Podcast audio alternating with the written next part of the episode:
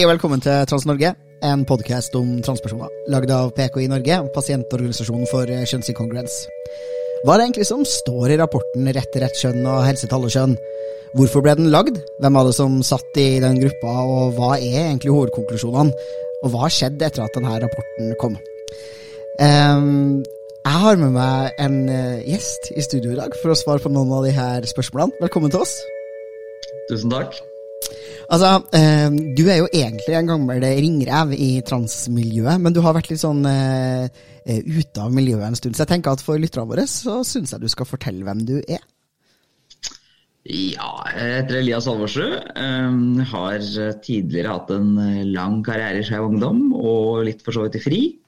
Vært leder av Skeiv Ungdom noen år og, og jobba med aktivisme.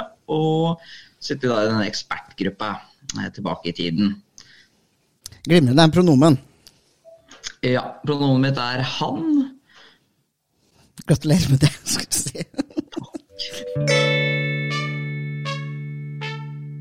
Vi skal Jeg tror faktisk vi skal helt tilbake til 2010 til å begynne med. Men eh, jeg skal ta den reisen tilbake til 2010. Men i 2010 så hadde det seg altså sånn at man gjorde en større revidering av den norske utgaven av ICD-10, altså de diagnosene man bruker i Norge. Uh, og da tok man ut diagnoser knytta til BDSM og fetisj. Og det er annet uh, mye grunner uh, veldig godt arbeid gjort av Revise, Revise 65. Er det det? Revise Nei, 65? Det er i hvert fall samme diagnosekapitlet. Ja, Revise 65, som er, som er, en gruppe som internasjonalt har jobba for avdiagnostisering nettopp av BDSM og fetisj. Um, så Svein Skeid, som dessverre er død nå, var en veldig viktig pådragsyter i dette arbeidet. Og en del av det arbeidet som skjedde da, var at man også titta på eh, noen transdiagnoser. Og det er fordi det finnes én transdiagnose som lå i det her F65-kapitlet om fetisjisme og BDSM. Og det er da mm. det man kaller, eller kalt fetisjistisk transfetisme, eller noe sånt. Um, mm. Og da var det noen som var sånn hm, Kanskje man skulle titta litt liksom, på alle de her diagnosene, og sett på eh, også de andre. Fordi man fjerna den her ene transdiagnosen. Eh, parallelt med det her så hadde det jo skjedd eh, definitivt at folk hadde begynt å liksom klage litt på helsetilbudet eh, til transfolk. Og det beskrev en sånn kort og litt rar rapport om at det sto kjempebra til. Først så var det et utkast til en rapport som, sto, som sa at det ikke sto så bra til. Og så så Rikshospitalet den rapporten, og så syntes de ikke det var noe bra det som sto der, så de skrev en rapport selv hvor, det, hvor, det sa, hvor de konkluderte på at det sto veldig bra til. Ja. Og så har vi drevet med ganske mye aktivisme, og så eh, hadde man jo begynt å jobbe med bl.a. Skeiv Ungdom, og der var du svært aktiv, eh, mot ja. det her kastreringskravet. Og det var jo, til lytterne, da, sånn i gamle dager, og da mener jeg gamle dager så mye før 2016, et, back in the good old days, um, et krav i Norge om at man måtte være kastrert for å kunne endre juridisk skjønn. Men det som jo også var implisitt i det kravet, var at man var eh, utreda og diagnostisert med F64-0 transseksualisme-diagnosen fra Rikshospitalet. Så det var et, både et diagnosekrav og et konstruksjonskrav da, for å kunne endre juridisk skjønn. Så det her er, det her er cirka som jeg liksom husker forløperen til hvorfor man bestemte seg for å sette ned en sånn ekspertgruppe. Og selvfølgelig, det, altså det var veldig mange flere aktivister som har sagt fra veldig mange flere ting om både helsetilbudet og det her kravet om en juridisk skjønn, men man bestemte seg i hvert fall for at det her måtte vi utrede og liksom gjøre noe greier på. Mm. Er du enig?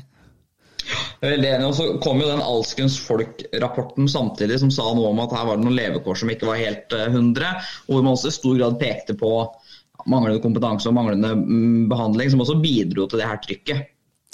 Sant. Og den uh, forskningsrapporten uh, som ble skrevet av Jannicke van der Roos i hovedsak, ble, også bestilt av Bufdir på bakgrunn av en altså, politisk påtrykk og et mistanke om at det her ikke gikk så bra, da.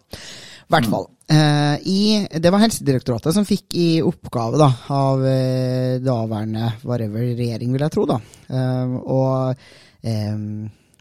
nedsette en gruppe. og Da var det Arild Johan Myrberg, og han har jeg prøvd å få på poden. Han håper jeg skal komme en dag. Eh, Arild Johan Myrberg, som jobber i Helsedirektoratet fortsatt, faktisk, eh, mm. som fikk i oppgave å nedsette en ekspertgruppe. Og det gjorde han. Kan ikke du si litt om hvem det var som havna i den gruppa, og hvorfor?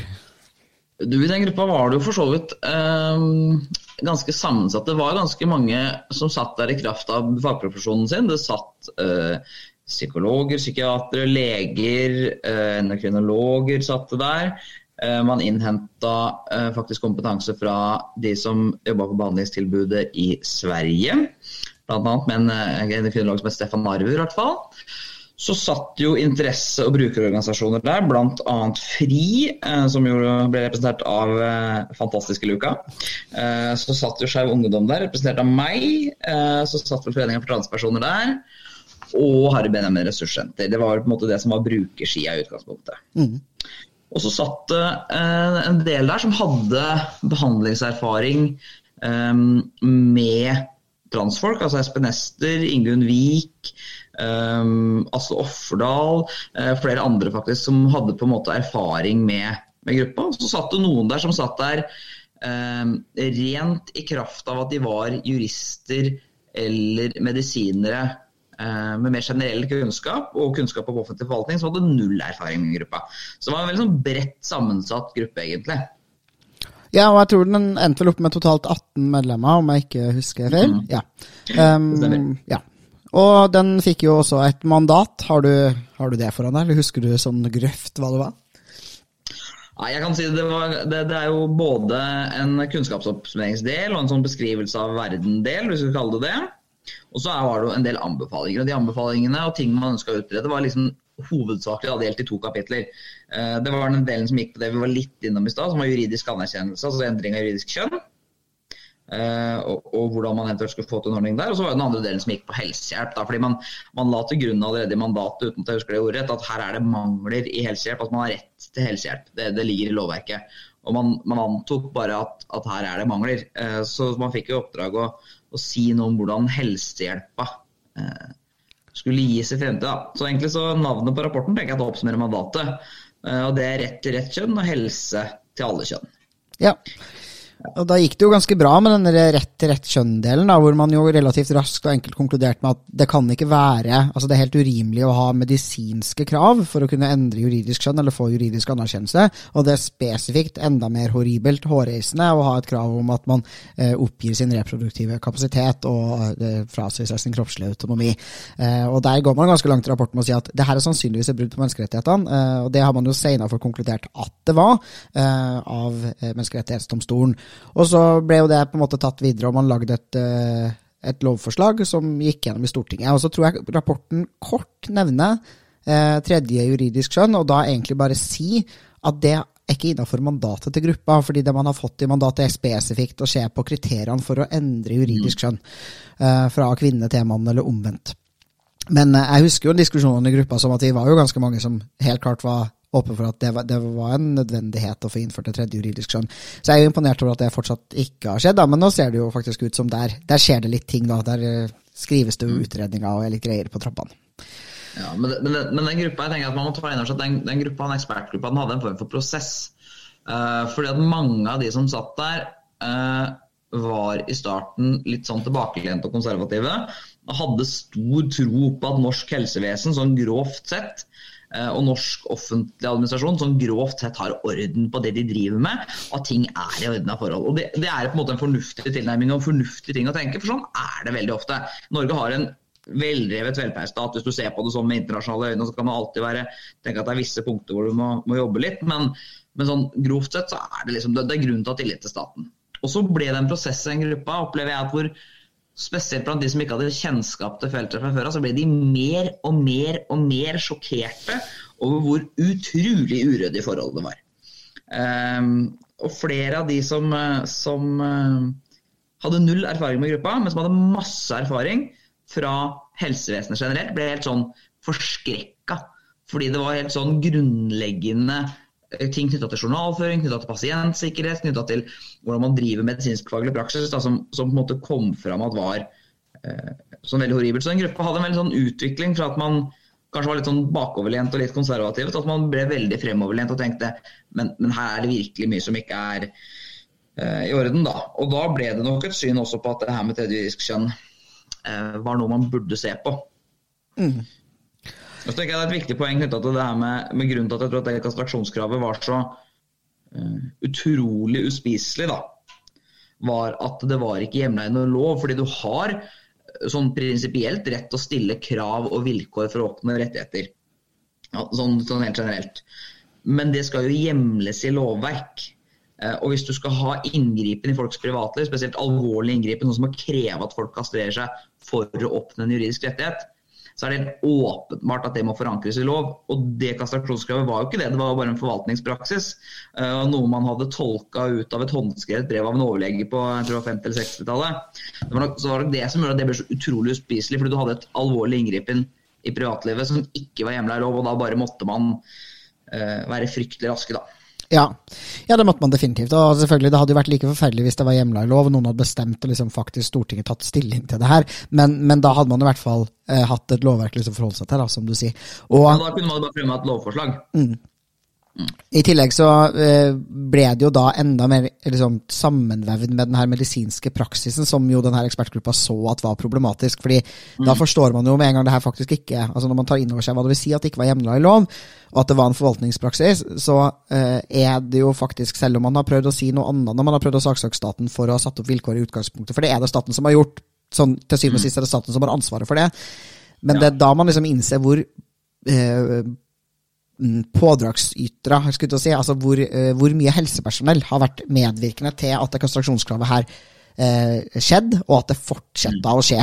Og det tenker jeg jo altså det her er en digresjon, men jeg husker jo når, når det var liksom snakk om at det kravet skulle fjernes i 2016, så var det jo sånn her Rikshospitalet informerte ikke sine pasienter om at det kravet var i ferd med å bli fjerna, selv om de jo veldig godt visste det. Og det sto på nettsidene deres i to år etter 2016 at det var et krav om å gjennomgå kastering for å kunne endre juridisk skjønn. Og det som skjedde også rett etter at loven gikk gjennom, og det ikke lenger var et kastraksjonskrav, var at de begynte å si til pasientene sine, og spesielt til transmenn, at det var stor kreftfare forbundet med å gå på testosteron og ha eggstokker samtidig.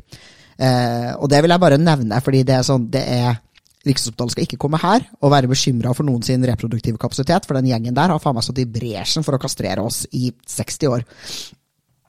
Men så er det, ikke en, det, er, er på et vis en digresjon, men så er det ikke en digresjon. For det som ligger til grunn for hele det behandlingstilbudet, hvis vi skal på en måte gå litt over dit, er, er på en måte et, det man kan kalle et paradigme. Da, altså et visst verdenssyn knytta til hvem er transfolk, hvordan er vi, og hva er vi i stand til å forstå og ikke forstå. Og Det ligger både, altså det verdisynet lå både til grunn for kastrasjonskravet og til grunn for eh, hvordan man hadde organisert helsehjelpa. Så, så, det er veldig nært sammenhengende, selv om det ene er et juridisk, rent juridisk spørsmål. Det andre handler om organisering av et helsetilbud, og hvem skal gi hormoner, og hvem skal måtte utrede, og hvordan skal det utredes, så skal det være diagnoser. Eh, det er mange enkeltspørsmål. Hvis du koker de ned til sin rene essens, så handler det om hvordan ser vi på transfolk. Ja, ja. Det er jo så trist at eh, vi, på tross av utviklinga, fortsatt lever i en verden hvor man ser eh, på transfolk som om vi er kategorisk annerledes enn cis-folk på et vis hvor vi ikke er samtykkekompetent mm. og ikke kan ha råderetter over eget liv og egen kropp. Men ja. ja. Og, og, det er jo, Hvis vi skal tenke på den ekspertgrupperapporten, så står det jo en del om det i den rapporten. Blant annet så står det jo der um, at man anser at det å Altså man bruker jo eh, begrepet kjønnsinkongruent, da, som er jo omtrent den samme definisjonen som det å være trans, at du har en annen kjønnsidentitet enn det som forventes eller blir tillagt ved fødsel. Eh, men, men, så står det i denne rapporten at man legger til grunn at det er ikke en, en psykisk lidelse i seg selv. Eh, den kan medfølges av psykiske helseplager som følge av ditt møte med verden eller ditt syn på deg sjøl. Men, men, i seg selv så er ikke det å oppleve seg sånn en psykisk sykdom. Men det behandles jo som om det er det. Mm. Ja, og den rapporten her, altså den gruppa ble satt ned, vi begynte å arbeide oss i 2013, og rapporten kom i 2015. Og det må man bare nevne at altså, det er jo da ett år før man får lov om endring av juridisk skjønn, som jo er en konsekvens av denne rapporten i stor eh, grad. Men det er også mm. eh, flere år før ICD-11 kommer, og man faktisk går bort fra å forstå altså Offisielt så går Verdens helseorganisasjon bort fra å forstå trans som en eh, psykisk lidelse eller psykisk tilstand i det hele tatt. eh, og, uh, ja, og, og, men, men, selvfølgelig, vi visste jo at det kom til å skje. Altså, det, det, er jo ikke sånn at de her tingene skjer jo ikke i et uh, vakuum. Men ja. Um, så vi kan jo spekulere i mye hvorfor det har skjedd så lite med halvparten av den rapporten, men vi kan prate litt mer om hva som faktisk står der. Hva tenker du, hva er hovedpunktene, hvis du skal dra frem noen liksom gullkorn fra konklusjonene på hva vi kom frem til på helsetilbud?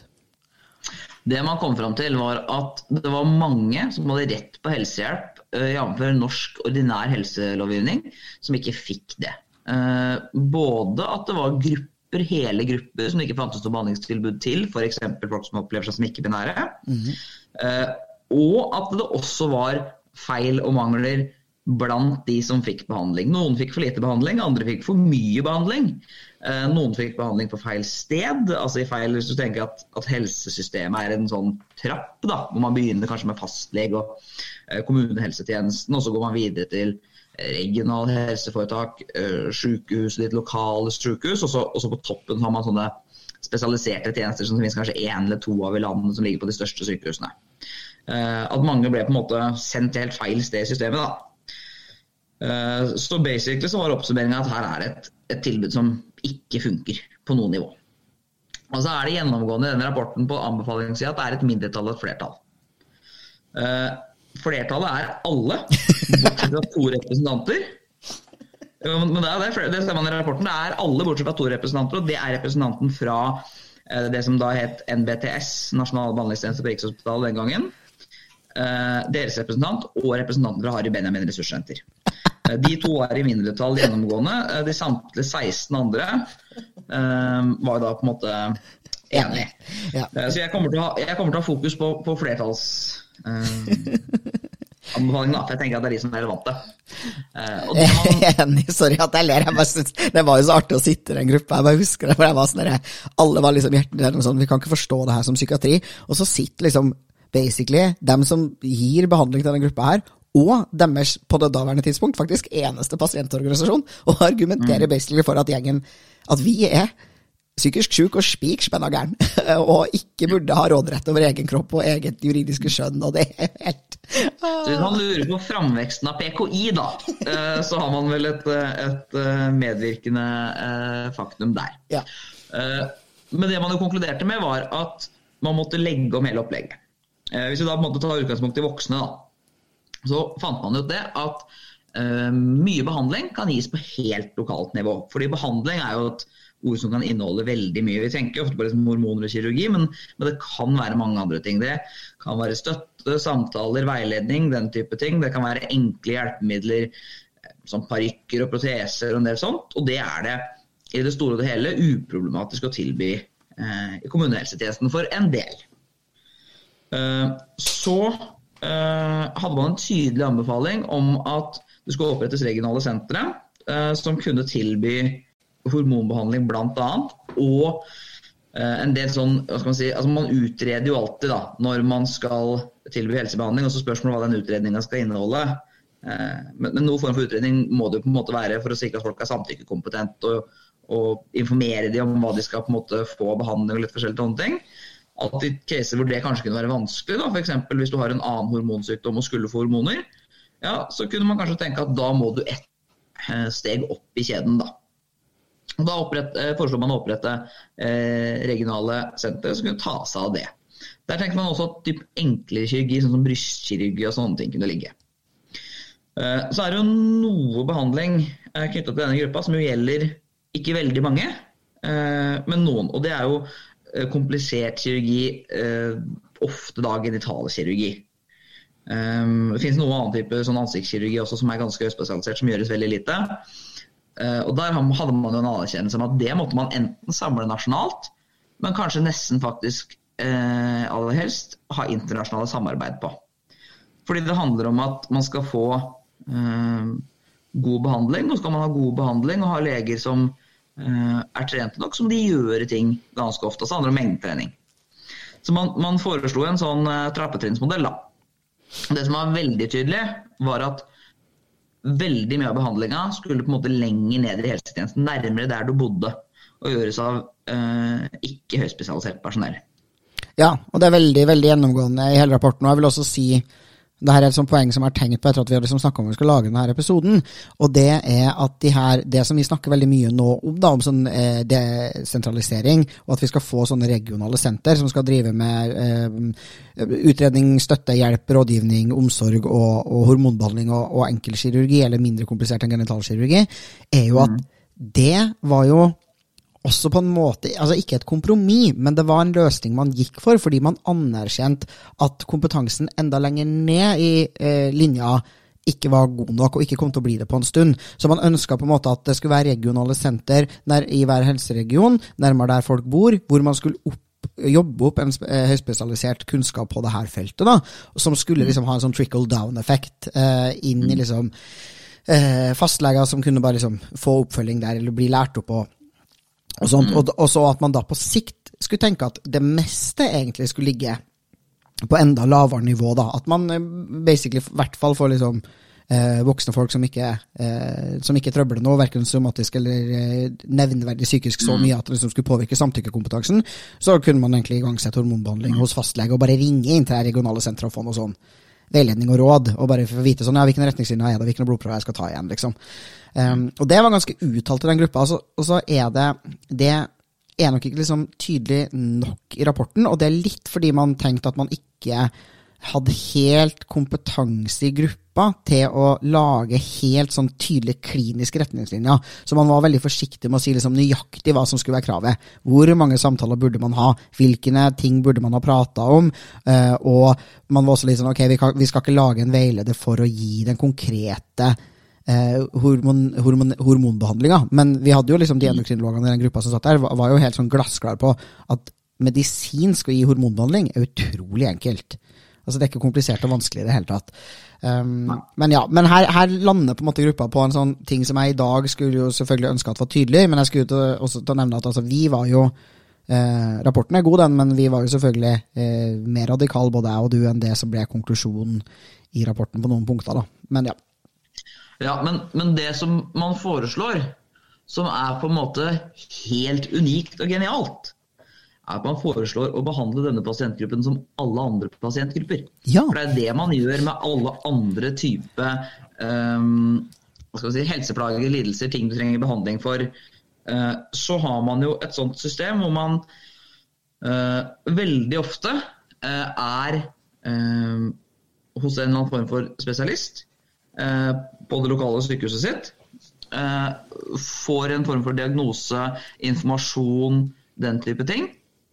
Og så sendes tilbake til fastlegen sin med en behandlingsplan. Så følger fastlegen opp den. Andre ganger så er det jo ting som fastlegen er på en måte såpass trygg på og ser såpass ofte at han eh, eller hun bare kan på en måte iverksette. da. litt sånn, Jeg bruker sånn typisk eksempel fordi jeg har diabetes. og Det fungerer akkurat sånn. Du sendes på lokale sykehuset ditt, konstaterer diabetes, setter i gang en behandlingsplan, sender jeg tilbake til fastlegen. Eh, for en del voksne folk som får diabetes, eh, spesielt diabetes type 2, så er fastlegen så trygg på det at ofte så reiser ikke de noe sted. Der kan fastlegen bare iverksette behandling. Mm. Eh, så man, man, foreslår egentlig bare å gjøre som med alle andre. Fordi det er ikke medisinsk, teknisk noe mer komplisert. Det som gjør at noen argumenterer med at dette er så komplisert, er når man begynner å dra inn psykiatrien. Når man begynner å tenke at dette er et uttrykk for veldig komplisert psykisk sykdom, psykiske plager, uh, den type ting. For da blir det jo plutselig veldig spesialisthelsetjeneste og psykiatri. Mm. Uh, og det er da det begynner å tulle seg til for folk, når de tenker at det er det det handler om.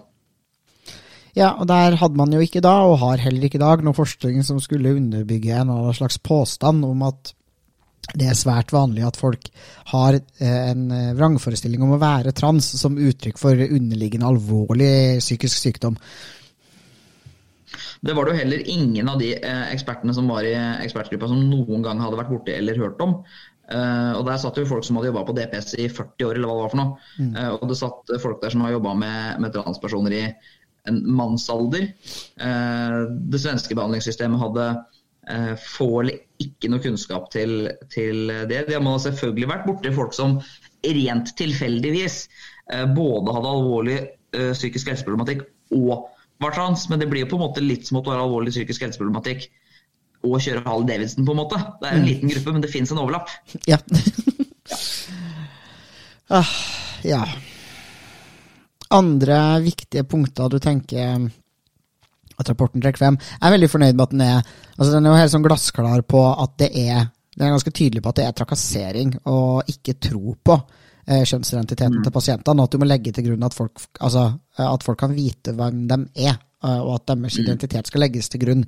Og Den er også ganske tydelig på at behandlinga skal være nettopp individuelt tilpassa. Altså man ser at det er en stor fare for at det er både uh, over-, under- og feilbehandling da, i det liksom, systemet som eksisterer. Så den er sånn uh, Og når den sier individuelt tilpassa, så er det den er kanskje ikke tydelig nok liksom, hva som ble diskutert i gruppa når man endte opp med individuelt tilpassa som begrep, men da er man veldig altså I diskusjonen vi hadde i gruppa, var man jo glassklar på at det er sånn her det betyr at noen kan trenge en parykk og genitalkirurgi og ingenting mer. Noen andre kan trenge eh, hormoner og toppkirurgi. Noen kan trenge å eh, gå på hormonene et år før de endrer juridisk kjønn eller navn. Eller, ja, man er kjempetydelig også på et sånt krav som om psykiatrisk utredning eller eh, real life experience eller sånne type krav da er helt urimelige, og at man eh, ikke kan ha dem. da. Ja, og jeg tenker at um jeg opplever rapporten som ganske tydelig på det. Det står jo helt eksplisitt i rapporten at man må ha individuelle vurderinger. og Gruppa er ikke egnet for pakkeforløp, står det jo. Mm. Uh, sånn at jeg tenker man er tydelig på, på, det. Og så tenker jeg at det som er gjennomgående i rapporten, som er et sånn grunnleggende syn som gjennomsyrer alt, det er at folk med behov for kjønnsbekreftende behandling er i utgangspunktet oppegående vettu folk som sjøl skjønner hva som er bra for en ikke. Eh, og at den tryggeste, sikreste og beste måten å behandle de på, og forsikre seg om mot, uh, mot feilbehandling, det er å lytte til de menneskene det gjelder. Høre hva de trenger.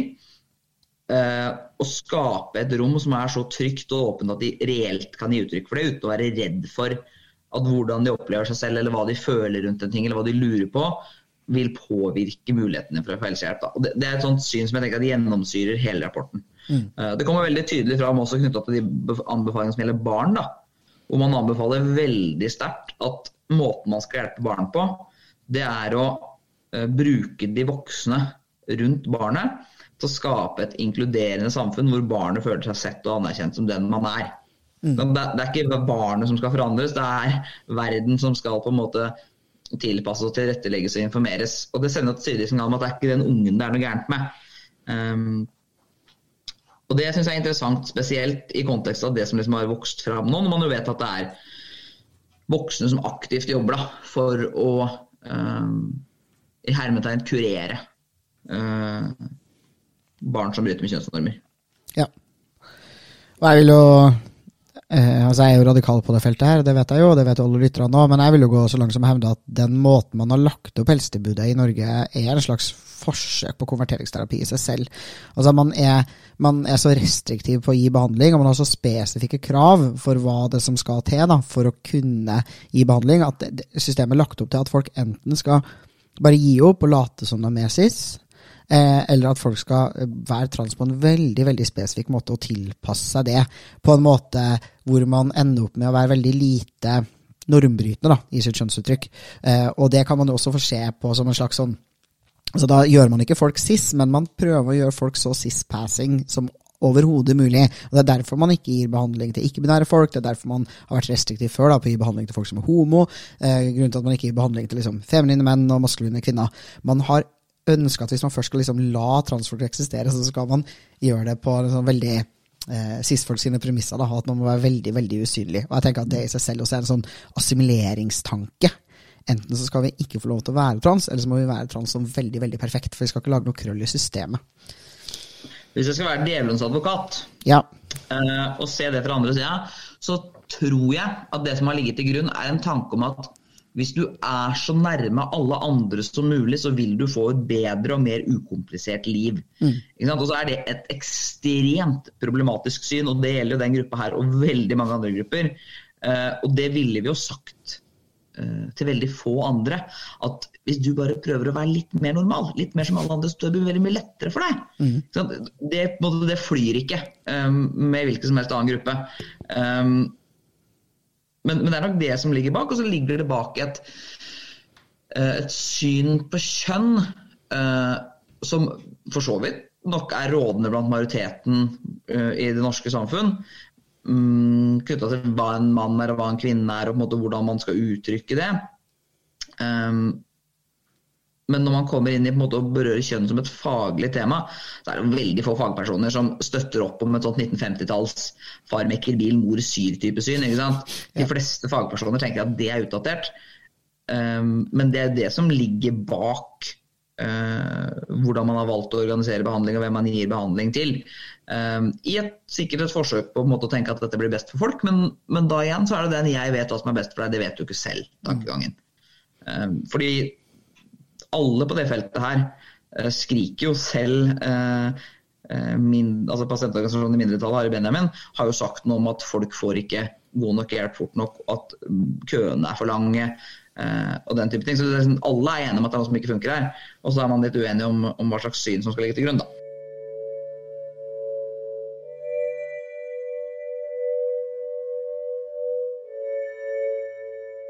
En annen ting som, altså, den uh, Rapporten her, jeg syns den er ganske god i å uh, ta inn over seg den kunnskapen som finnes, og den uh, baserer seg mye på Standards of Care, som på det tidspunktet der forelå i utgave sju. Nå har jo utgave åtte kommet, og den burde jo alle sammen lese. Jeg skal lage en podkast-episode om den nå. Um, men jeg syns den er veldig fin i også å gi et sånn frampek på både medisinsk og også juridisk utvikling på det feltet her, hvor man er veldig tydelig på at Eh, her ser man en sånn tydelig kunnskapsutvikling, da, hvor man i større og større grad eh, ser at kjønnsbekreftende behandling er effektivt, og at det er effektivt for svært mange, og at individuell tilpasning er veien å gå, eh, og at man i framtida nok kommer til å ha en, eh, en, liberalisering på et eller annet vis, da, at, at man liksom er nødt til å oppdatere. Nå legger vi oss på standards som 7, eh, utgave 7, men at man kontinuerlig må liksom oppdatere seg på kunnskap og tilpasse behandlingstilbudet deretter. Og ikke minst at det skal gjøres i tett dialog med brukere- og interesseorganisasjoner. Da. Um, det jo det Ja. Det er jo av mange ting i den rapporten som ikke har blitt fulgt opp på en tilstrekkelig og god måte, men um, men det pekes jo den rapporten veldig på det her med fagmiljøer, fagkompetanse, fagmiljøer. Én ting er den konkrete behandlinga som folk får, men, men, på alle medisinske områder alle fagområder så er det behov for nettverk, kunnskap, informasjonsdeling og den type ting. Og Det pekes jo på at det bør opprettes eh, et nasjonalt kunnskapssenter eh, som kan bidra med, med eh, kunnskap ut. Det er heller ikke blitt fulgt opp sånn som det er intendert i rapporten. Det ville hatt veldig mye å si hvis man hadde et senter som var oppdatert på internasjonal kunnskap. Det er det som kanskje forbløffer meg litt med det feltet, at det kommer internasjonal forskning, det kommer kunnskap, men det skal vi på et vis bare ikke forholde oss til. Mm. Det er oppgitt masse kilder i denne eh, rapporten på forskning som er gjort allerede den gang, hvor man viser til f.eks. behandlingsresultater. Hvor man viser til at eh, folk som får kjønnsbekreftende behandling, som har behov for det, de har større sjanse for å leve lenger. Eh, livskvaliteten er bedre. Dette er dokumentert. Så skal man på et eller annet vis bare ikke ta det eh, inn over seg. da. Mm. Eh, og ikke benytte den fagkunnskapen. Og det er nok også bidratt til at behandlingstilbudet ikke er blitt vesentlig endra. At det står ingen faglig tunge stemmer eh, med offentlig forvaltning som kan si noe om at men dette er på en måte ikke helt oppdatert, dette er ikke riktig. Eh, det er jo påfallende f.eks. at man ikke følger Standards of Care, som er lagd av, av EPAT, som er en internasjonal organisasjon. ikke sant? Man forholder seg jo ikke helt til den nye diagnosemanualen. Diagnosemanualen er jo lagd av Verdens helseorganisasjon. Eh, noe særlig mer på en måte um, tydelig organisasjon som har enorm oppslutning og legitimitet enn Verdens helseorganisasjon, skal du kanskje leite lenge etter. Ja. Så det er jo på en måte rart å ikke forholde seg til en sånn autoritet. Ja, men det er jo det som har gjort, som jeg syns er så fascinerende med hele det fagfeltet her, da, er hvordan det er helt tydelig at Rikshospitalet som behandlingsinstitusjon er helt sånn usårbar. Altså, det er ingen som kan bestemme over dem, virker det som. Verdens helseorganisasjon kan ikke det. Vi kan ikke lage nasjonale retningslinjer av dem følger. Eh, det finnes ikke liksom, noen lover vi kan vedta for at dette skal skje. Direktoratet ber dem om å gjøre ting. Departementet ber dem om å gjøre ting, og de bare overser det.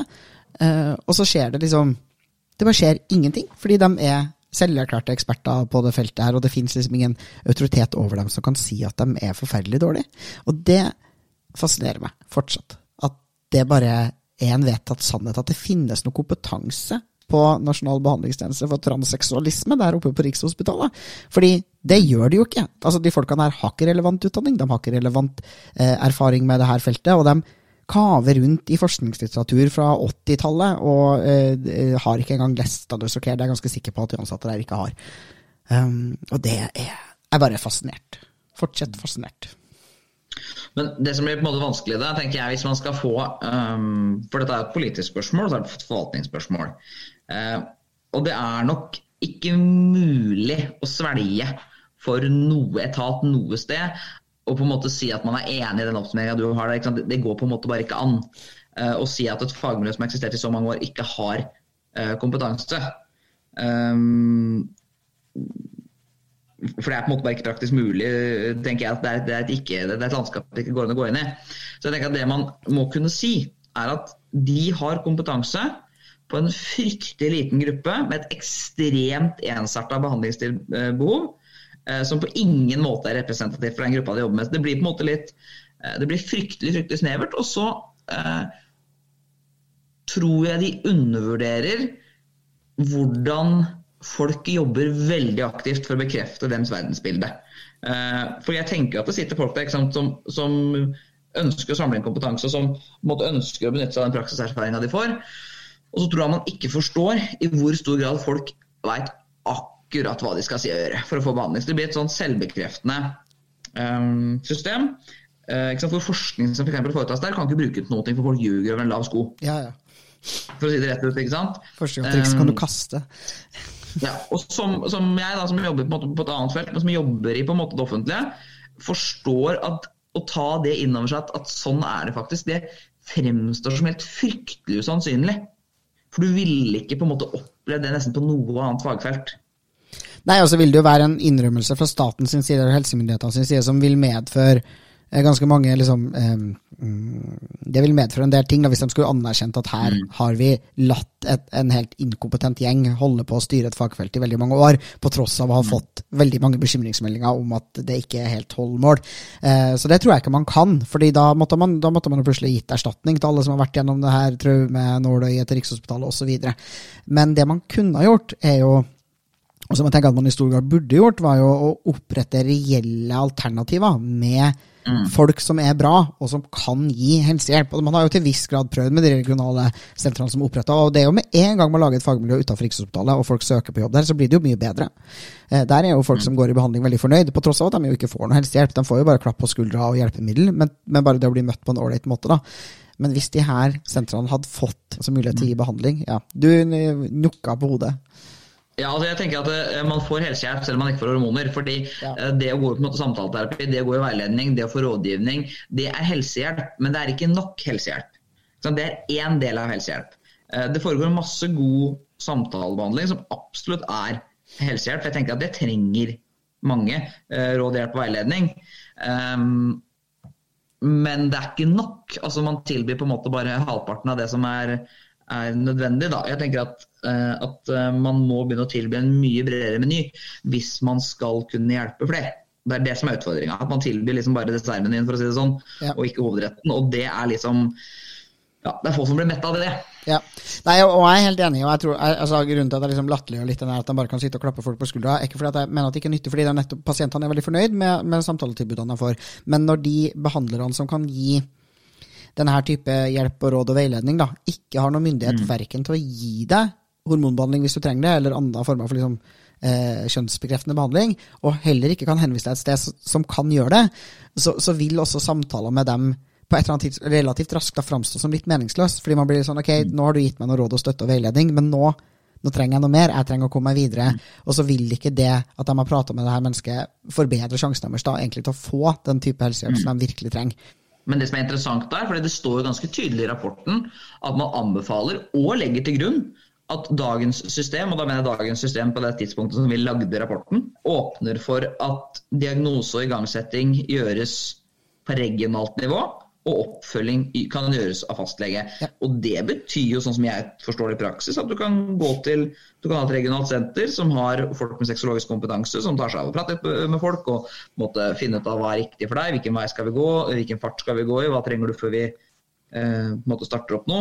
Um, og når man har gjort det, og hvis man da tenker at ok, men du er en person som trenger å snakke med en endokrinolog fordi at uh, hormonbehandling ville på en måte vært nyttig, Eh, så kunne man hatt en tilknytta endokrinolog. Det jobber jo endokrinologer på alle sykehus allikevel, ehm, så å si. Eh, som da kunne iverksatt den behandlinga eh, og starta opp den, og så kunne den bli fulgt opp av fastlegen. Og, sånn som jeg forstår rapporten, så er det ikke noe som tilsier at man ikke kan gjøre det i dag. Det er bare at noen må gjøre det. Det ikke noe sted at det er ulovlig. Nei, nei. Um, og den rapporten er ganske tydelig på det som jo er litt som gjennomgående, som du også har snakka om, at man skal, man skal, legge til grunn at man skal behandle den gruppa her likt som man behandler andre pasientgrupper. Og Det betyr at eh, fastleger i Norge som føler seg kompetent til å gi kjønnsbekreftende behandling, har mulighet til å gi det, fordi de har fastleger i Norge som føler seg kompetent til å gi en type behandling, får lov til å gi den behandlinga. Eh, og man har et mm. helsevesen som i stor grad tenker at det er fastleger i stand til å vurdere selv, og så sender man videre opp i systemet hvis man merker at man har manglende kompetanse, eller hvis tilfellet man står foran viser seg å være mer komplisert, og f.eks. at man responderer uh, uvanlig på hormonbehandling.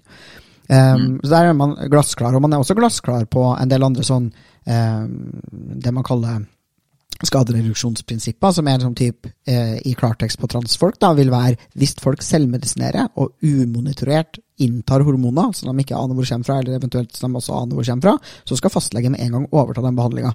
Eh, og da er det helt greit å fravike eh, prinsipper om liksom, at man skal ha en grundig eh, utredning, eller at man skal snakke litt med folk og liksom, ha, ha, orden på sakene før man starter opp behandling. Da er det bare sånn Her må du skaderedusere. Du må sørge for at de hormonene folk får i seg, er ålreite eh, hormoner som faktisk er inneholder og at de får tatt blodprøver og sånne ting. Um, og det er jo ikke fordi de er så sjukt radikale, de folka som har skrevet her. Det er fordi de bare appliserer helt vanlige helsehjelpprinsipper på transfolk også. Mm. Og det er det, er, det er det, som er, så spennende med det temaet her, og for så vidt veldig mange andre temaer knytta til kjønn og seksualitet. At hvis du bare tenker at folk er sånn omtrent liksom alle andre, eh, og at det ikke er noen sånn veldig spesielt vanskelige ting å hanskes med, eh, så kommer du veldig langt. Eh, jeg tror også mange tenker at hvis jeg skal prate om kjønnsidentitet, for det står del i denne rapporten om kunnskap helt ned i de laveste nivåene av kommunal helsetjeneste. Altså helsesykepleiere på skole, kommunepsykologer, den type ting. da. At de også trenger mer kunnskap. Og jeg tror at det overkompliseres ting veldig. Det er ikke så vanskelig å prate med folk om kjønnsidentitet så lenge du har en utdannelse som handler om å prate med folk om hvordan de har det og livet. Um, fordi det handler om å spørre hvordan er det for deg. Men hvordan har du det, hva opplever du, hva er vanskelig, uh, hva kunne hjelpa deg, hvordan kan vi komme dit? Ganske sånn basic eh, jobb med folk-tilnærming. Mm. Um, og sånn opplever jeg altså at det er på helse, den rent sånn somatiske helsedelen her. da. Um, at det er veldig overførbart til veldig mange andre områder. Men det som nok tuller det til for en del spesielt helsepersonell og leger, er jo at de er veldig nært eh, bundet til det som heter den hippokratiske ed. Uh, som jo handler om en sånn ed som alle leger uh, avlegger. som sånn, Hvis du skal oppsummere det i denne konteksten, handler det om at du skal ikke måte gjøre ting som kan være skadelig. da. Skal ikke skade folk med den helsebehandlinga du gir. Eh, så tror jeg at noen blir, blir, veldig usikre på om hvis jeg gir hormoner til deg, og så viser det seg at det var ikke riktig for deg, eh, så har jeg på en måte skada eller ødelagt deg. Mm. Jeg er veldig redd for at ting er sånn irreversibelt og den type ting. Eh, og da tror jeg man ikke tar inn over seg da, at det å ikke gjøre noe, det å ikke foreta seg noen ting, det er minst like skadelig, om ikke mer. Det finnes en del forskning som, som faktisk indikerer at det er mer skadelig. Ja, skal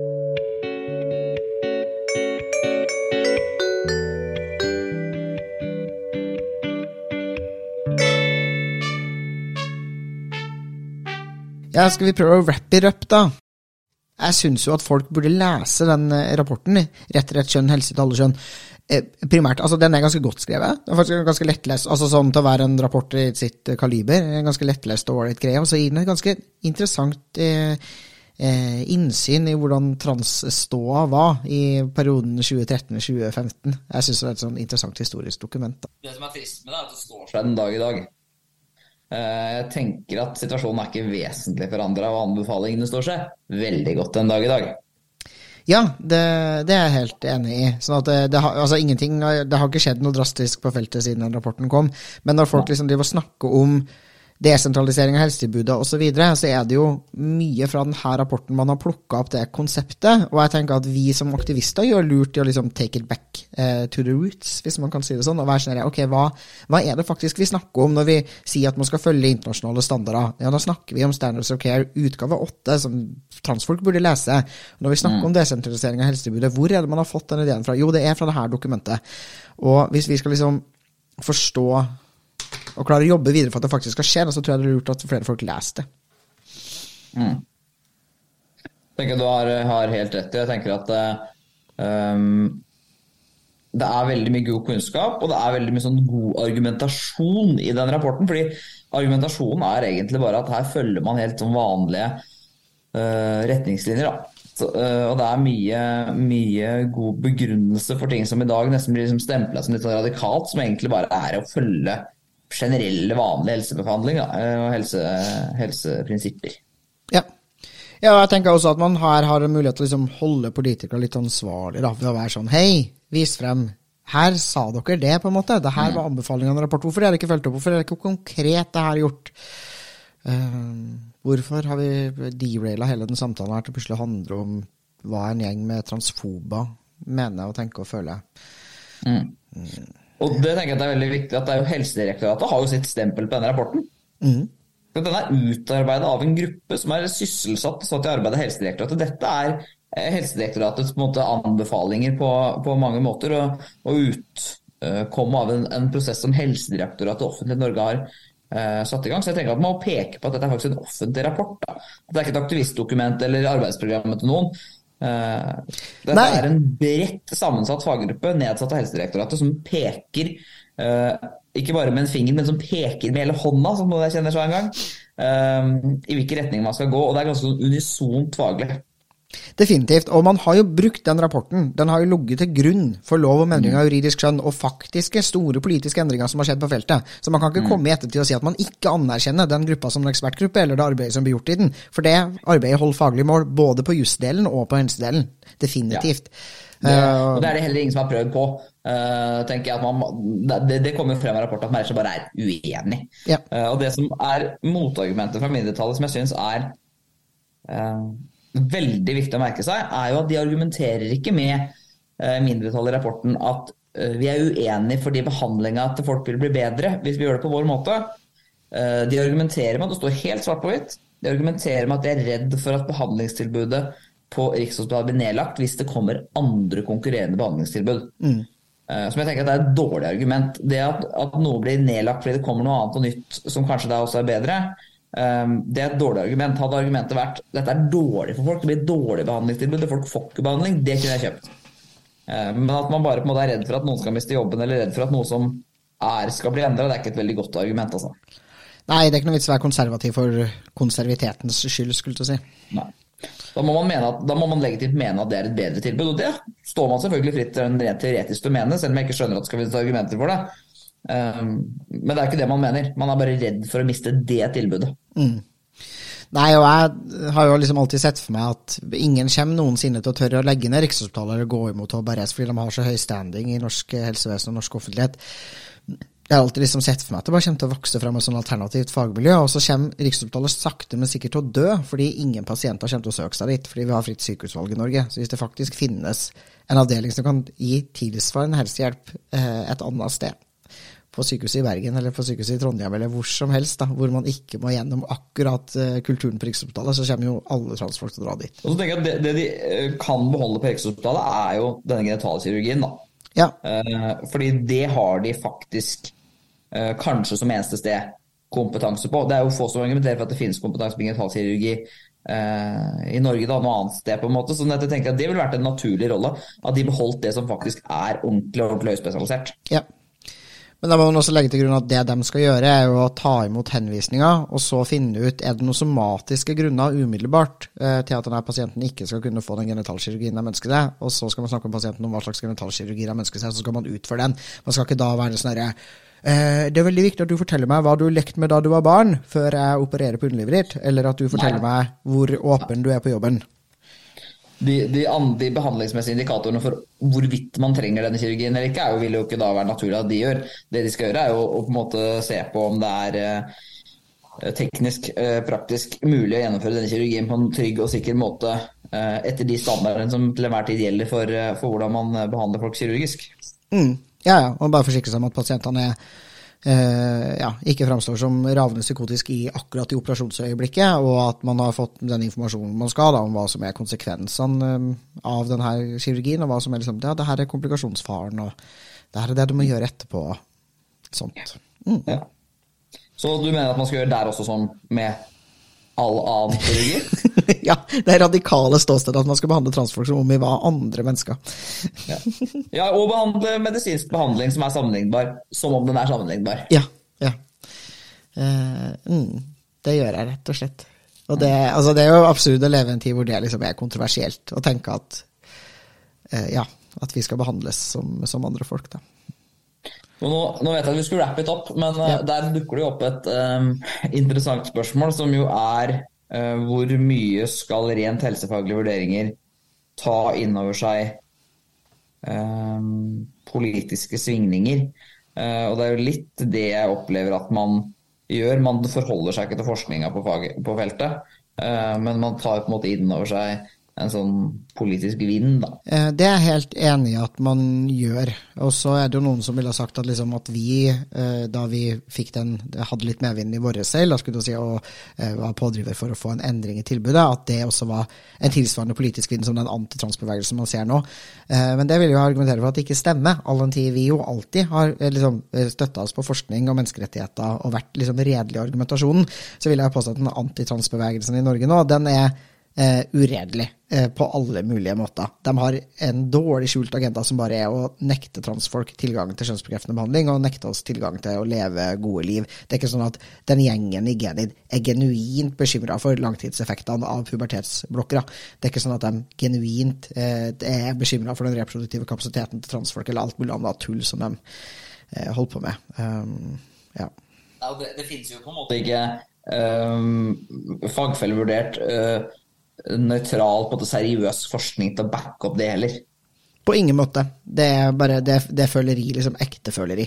Ja. Eh, og så prøver de jo hele tida å få det til å se ut som om det er vi som driver med føleri, men det er sånn Det fins Altså Standards of Care, som uh, Karo, som driver oversetten til norsk nå, uh, sa her om dagen Standards of Care har 70 sider med referanser til forskning altså det feltet her, altså Da vi to begynte å være aktivister på det feltet, så fantes det faktisk ikke så mye forskning på det. Men i løpet av de siste 10-15 og 20 årene så har det kommet sånne mengder med forskning eh, som alle Altså, sånn, ja, du finner noen crazy unntak her og der, liksom, men all altså, forskningsmassen er kjønnsbekreftende behandling effektivt. Det burde gis til folk eh, som selv rapporterer og har behov for det. Det finnes ikke noen måte eh, Det er ikke fornuftig å drive med gatekeeping eller diagnostisering med liksom, strenge kriterier, fordi det bare har ingen funksjon. Det er dyrt, det er unødvendig, det er traumatiserende for pasientene. Vi må stole på at folk er eh, Det skjønner de si at de er. Punktum. Mm. Ferdig snakka. Uh, og jeg føler, altså, jeg føler at denne debatten om liksom trans versus antitrans. Det bare ligner mer og mer på liksom samtalen vi har om menneskeskapt global oppvarming. Hvor det, liksom, det, finnes, det er fortsatt noen folk som sitter og liksom roper ut om at vi, de har både ett og to og tre forskningsstudier som viser at det er ikke noe menneskeskapte globale oppvarminger. Og så eh, er det på en måte en så massiv kunnskapsmengde eh, som helt nøytralt bare påpeker at nå går det ordentlig lukt av det helvete med jordkloden, liksom, og det er mm. menneskeskapte klimaendringer. Eh, og jeg føler at det her er det samme. da. Man har liksom bøtta og spann med forskning eh, som viser at kjønnsbekreftende behandling er effektivt, og at det å være trans er ekte, og at cis-folk ikke burde gatekeepe oss. Og så har man liksom fire studier som noen har funnet hvor det er sånn eh, ja, som er absurd og bias, og hvor de er sånn Transfolk har fortsatt lyst til å dø etter å ha tatt kjønnsbekreftende behandling. Jeg bare, ja, ok, slutt å være kjip med oss, så kanskje vi slutter med det også. Ja. ja og, så, og, så, er det et annet øh, poeng som jeg tenker er, som også er dokumentert, og det er at det er god samfunnsøkonomi. Ja. Eh, det er jo sånn at cash is king også innen helsefeltet. Altså det er ikke gratis å behandle folk. Og det er veldig god uh, samfunnsøkonomi å tilby folk behandling. Fordi det fremtidige behovet for offentlige tjenester uh, og behandling blir lavere. Fordi du har f.eks. mindre psykiske problemer. Mm. Mm. Og så skjønner jeg at det er veldig kynisk å, å se på det fra det perspektivet. Uh, men vi vet jo at f.eks. det at folk velger å avslutte livet, I tillegg til å være en enorm personlig tragedie og uh, forferdelig for alle de rundt, så er det også noe som utløser uh, veldig mye behov for offentlige tjenester. Så hvis man både kan forhindre personlige tragedier, sørge for at folk slipper å miste noen de er glad i, og ha god samfunnsøkonomi alt på en gang, så er det på en måte win-win-win, da. Enig. Da kan vi bli sånne helt vanlige, eh, vellykka borgere som skatter til staten, istedenfor å stå og tråkke utafor eller i helsevesenet i gud vet hvor mange år. Mm. Ja, jeg tenker altså, gud, altså Det jeg trengte av kjønnsbekreftende behandling, var hormoner og eh, en liten fettsuging av brystkassa som tok tre og et halvt minutt. Og jeg, jeg skulle likt å sette regnestykket på hvor mange penger jeg kosta staten når jeg gikk og tråkka oppe på Rikshospitalet i liksom, årene jeg ble utreda der, og satt og liksom inne på et sånt kontor med høyspesialisert helsepersonell med vanvittig høy utdanning og ingen kompetanse, og bare prata om hva jeg lekte med da jeg var liten. Mm. Det, det tror jeg var dyrt. Og de folkene som nå flys ned fra Finnmark for å bli utsatt for de samme meningsløse samtalene man bare kunne ha fått hormoner hos fastlegen sin, liksom. Eh, mm. Til og med liksom, selve utredningsløpet, uavhengig av om du kommer gjennom eller ikke, er jo også gjort vanvittig dyrt av at man har sentralisert det på den måten man har gjort, og lagd det mm. så langt og omstendelig. Ah, men det var good old days, da. Det var, det var artig å sitte i den ekspertgruppa. Jeg syns det var veldig lærerikt. Det var veldig lærerikt, både i forhold til hvordan man utarbeider en sånn type rapport, og hele prosessen. Og så var det, uh, så hvis jeg skal snakke om rent personlig, det var et eller annet ekstremt deilig og terapeutisk i at en gjeng med veldig høykompetente mennesker med høy utdanning og veldig god kjennskap til det offentlige Norge gjorde seg kjent med det feltet her, og endte på samtlige av de at ja, dette er helt horribelt og hårreisende. Her må noe gjøres. Uh, og på en måte få den uh, anerkjennelsen òg, for det er det det er. Det er en anerkjennelse fra en kjempebredt sammensatt gruppe om at ja, det dere har sagt i veldig mange år, det stemmer faktisk. Vi har gått dypt inn i materien over to år, og det stemmer. Mm. Uh, og det også er noe å ta med seg. Altså. At det er Det er noen som ser hva som foregår. Ja, enig. Å, herregud, kan jeg bare, nå kom jeg på Husker du når den ekspertgruppa som var satt ned av Helsedirektoratet, etterspurte informasjon fra Rikshospitalet om henvisningstall og hvor mange folk de avviste, fordi man ville ha noe ordentlig statistikk på hvor mange folk som ikke fikk behandling osv. Og, og Rikshospitalet nekta å utlevere den informasjonen, eller bare somla den bort, og liksom til slutt endte opp med å si at nei, vi har Og det visste vi jo for så vidt, vi visste jo det fra før. Vi har ingen statistikk, vi aner ikke hvor mange pasienter vi har i utredning, og vi vet ikke hva som skjer med dem. Og det er jo sånn helt sånn konkrete eksempel som man kan si at for pasienten så er det kanskje litt sånn ikke så viktig, men det vet jeg også at det var mange i den gruppa som, uh, som har jobba i helsevesenet i mange år, som er veldig godt kjent med journalplikten, som sa at men dette er jo drøyt uprofesjonelt. Altså, hadde jeg holdt på på den måten her når jeg drev der og der på en måte på et helt annet fagfelt, jeg hadde ikke fått lov til det. Jeg må jo kunne redegjøre som overlege og sjef for en avdeling for hvem jeg har i behandling, hva jeg har gitt i behandling, uh, hvilke vurderinger som ligger bak. Så det er nok et eksempel på at man uh, på en måte har litt sånn har rett og slett hatt en hjemme aleine-fest. ja, og det er jo helt absurd, for sitter nå, liksom, nå, sitter vi alle i den liksom, krisa som har skjedd da, etter at Espen Ester Pirelli Benestad mista, eller ble fratatt sin legelisens. Mm. og der er jo eh, det er et par punkter. det er jo All, all hovedsak så har jo hen kanskje mista lisensen pga. Eh, litt eh, Altså at noen en fåtall pasienter har fått litt for mye A- og B-preparater. Eh, og det er vi ganske strenge på i Norge, fordi vi er veldig opptatt av at eh, LAR-behandling skal skje i LAR-systemet. Altså, eh, og at mm. andre, ja, andre leger skal ikke drive på med det. Så, så, det er ting som egentlig ikke har noe med, med kjønnsbekreftende behandling å gjøre? Definitivt. Og så er det en liten notis da, på noe manglende journalføring. Um, og det er, det er kjempekritikkverdig. Espen Ester burde, som alle andre, føre god og ordentlig journal, så det, det er helt fint å, å, få tilsnakk på det. Men det er bare sånn eh, sammenligna med Rikshospitalet, da, hvor jeg jo har altså Jeg vet ikke hvor mange historier jeg har om pasienter som ikke har fått ut journalen sin, som har oppdaga at de ikke finner journal, hvor det liksom er notert helt løgnaktige ting i journal, som er noe helt, helt annet enn det som har blitt sagt. Snakka jo med en mor som prøvde å få ut journalen til ungen sin, og hvor den bare var sånn det viste seg at barna deres har vært inne til fire samtaler. Det var ikke journalført på et helt år. Eh, og så er det helt tydelig også ført journal i ettertid, så, og uten at det er tydelig fremskjem av journalen at det har skjedd, og hvorfor det har skjedd. Altså Det er så mye hårreisende journalhistorier fra Riksopptalet, og jeg er også bare sånn Altså, Jeg kunne hatt sånn høytopplesning fra journalen min fra Rikshospitalet. Liksom. Det er ingenting i den journalen som skulle tilsi at uh, de har hatt noe grunnlag for å skulle vite om kjønnsbekreftende behandling er riktig å gi meg eller ikke. for å si Det sånn. Det står bare tøys om hvordan jeg går kledd. Og så tenker jeg at, uh, ikke for å snakke om at jeg har hatt et ganske lemfeldig forhold til forskning og forskjellen på forskning og behandling. det viste seg vel at Uten at det står omhandla i rapporten, men det viste seg at det fremkom informasjon i den ekspertgruppa om at de hadde hatt et forskningsprosjekt gående på, på barn eh, som mangla godkjenning fra den regionale etiske forskningskomiteen.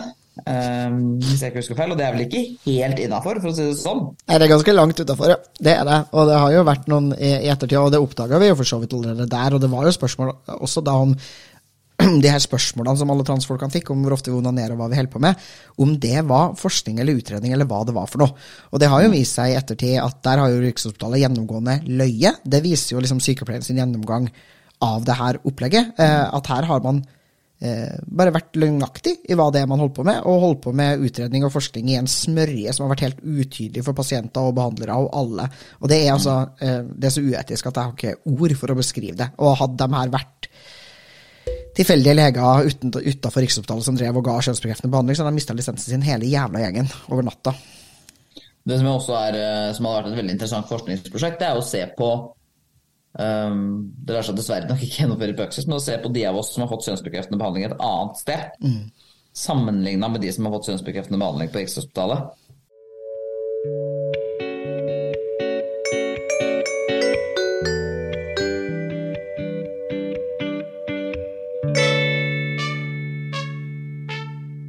Tusen takk for at du var med på poden i dag, Elias. Det var skikkelig hyggelig å se deg igjen. Jeg heter Luka Dalen Espeseth. Anbefaler alle sammen å gå inn og lese rapporten Rett rett kjønn, helsetall og alle kjønn. Den finner du på internetten. Takk til Martin for den nydelige Trans-Norge-musikken. Takk til teamet vårt med klippere, som for tida driver og gjennomgår noen endringer, så jeg skal ikke lese opp navn. Takk til Thomas for grafisk profil til podden. Følg Trans-Norge der du lytter til podkaster, for å få med deg alle episodene av podden. Eh, rate oss gjerne i podkast-appen din, og tips en venn om at vi fins. Eh, følg gjerne PKI på Facebook og Instagram, og meld deg inn i PKI på nettsidene våre www.kjønnsinkongruens.no, eller www.pkinorge.no. Hvis du har forslag til tema, spørsmål, tips til folk som burde komme på poden, så øh, Og det kan selvfølgelig også være deg selv. Send det gjerne til transnorge.podcast